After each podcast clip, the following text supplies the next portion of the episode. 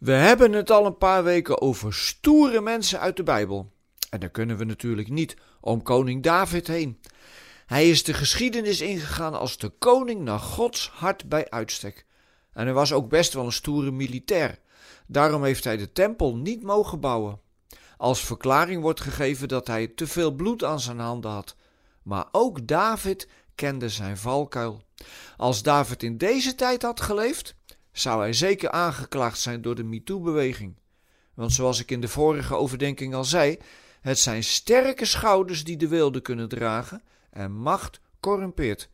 Daar heeft David natuurlijk een schoolvoorbeeld van gegeven in zijn handelen rond Bathseba.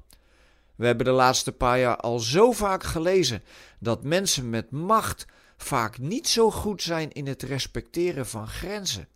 We zien het in het groot bij uh, Poetin. Maar het kwam ook heel vaak in het nieuws bij situaties waarbij mannen hun handjes niet thuis konden houden. Of waarin vrouwen in een leiderspositie ongewenst gedrag vertoonden en daarvoor aangeklaagd werden. Wat is dat toch? Toen de slang tegen de mens zei dat hij best van de boom van de kennis van goed en kwaad mocht eten, en de mens dat ook deed, begon het al. En ik houd mijn hart vast als ik zie hoe ongelooflijk mensen soms bezig zijn met zichzelf te pushen. Aan de ene kant hoor je van heel veel onzekere mensen, aan de andere kant worden we steeds narcistischer. Dat kan natuurlijk ook door de social media, waar ik zelf ook op zit hoor, maar je kunt ze zo makkelijk gebruiken om je eigen koninkrijkje te stichten en te onderhouden.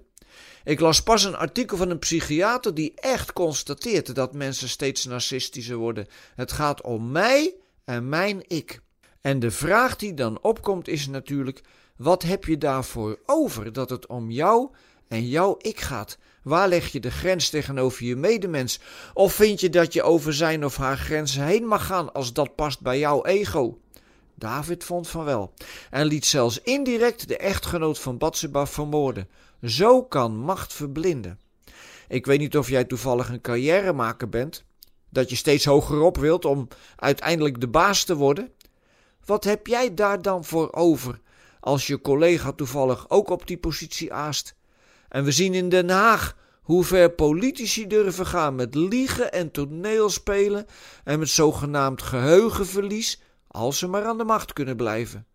In de Bijbel gaat het helemaal niet over macht om de macht.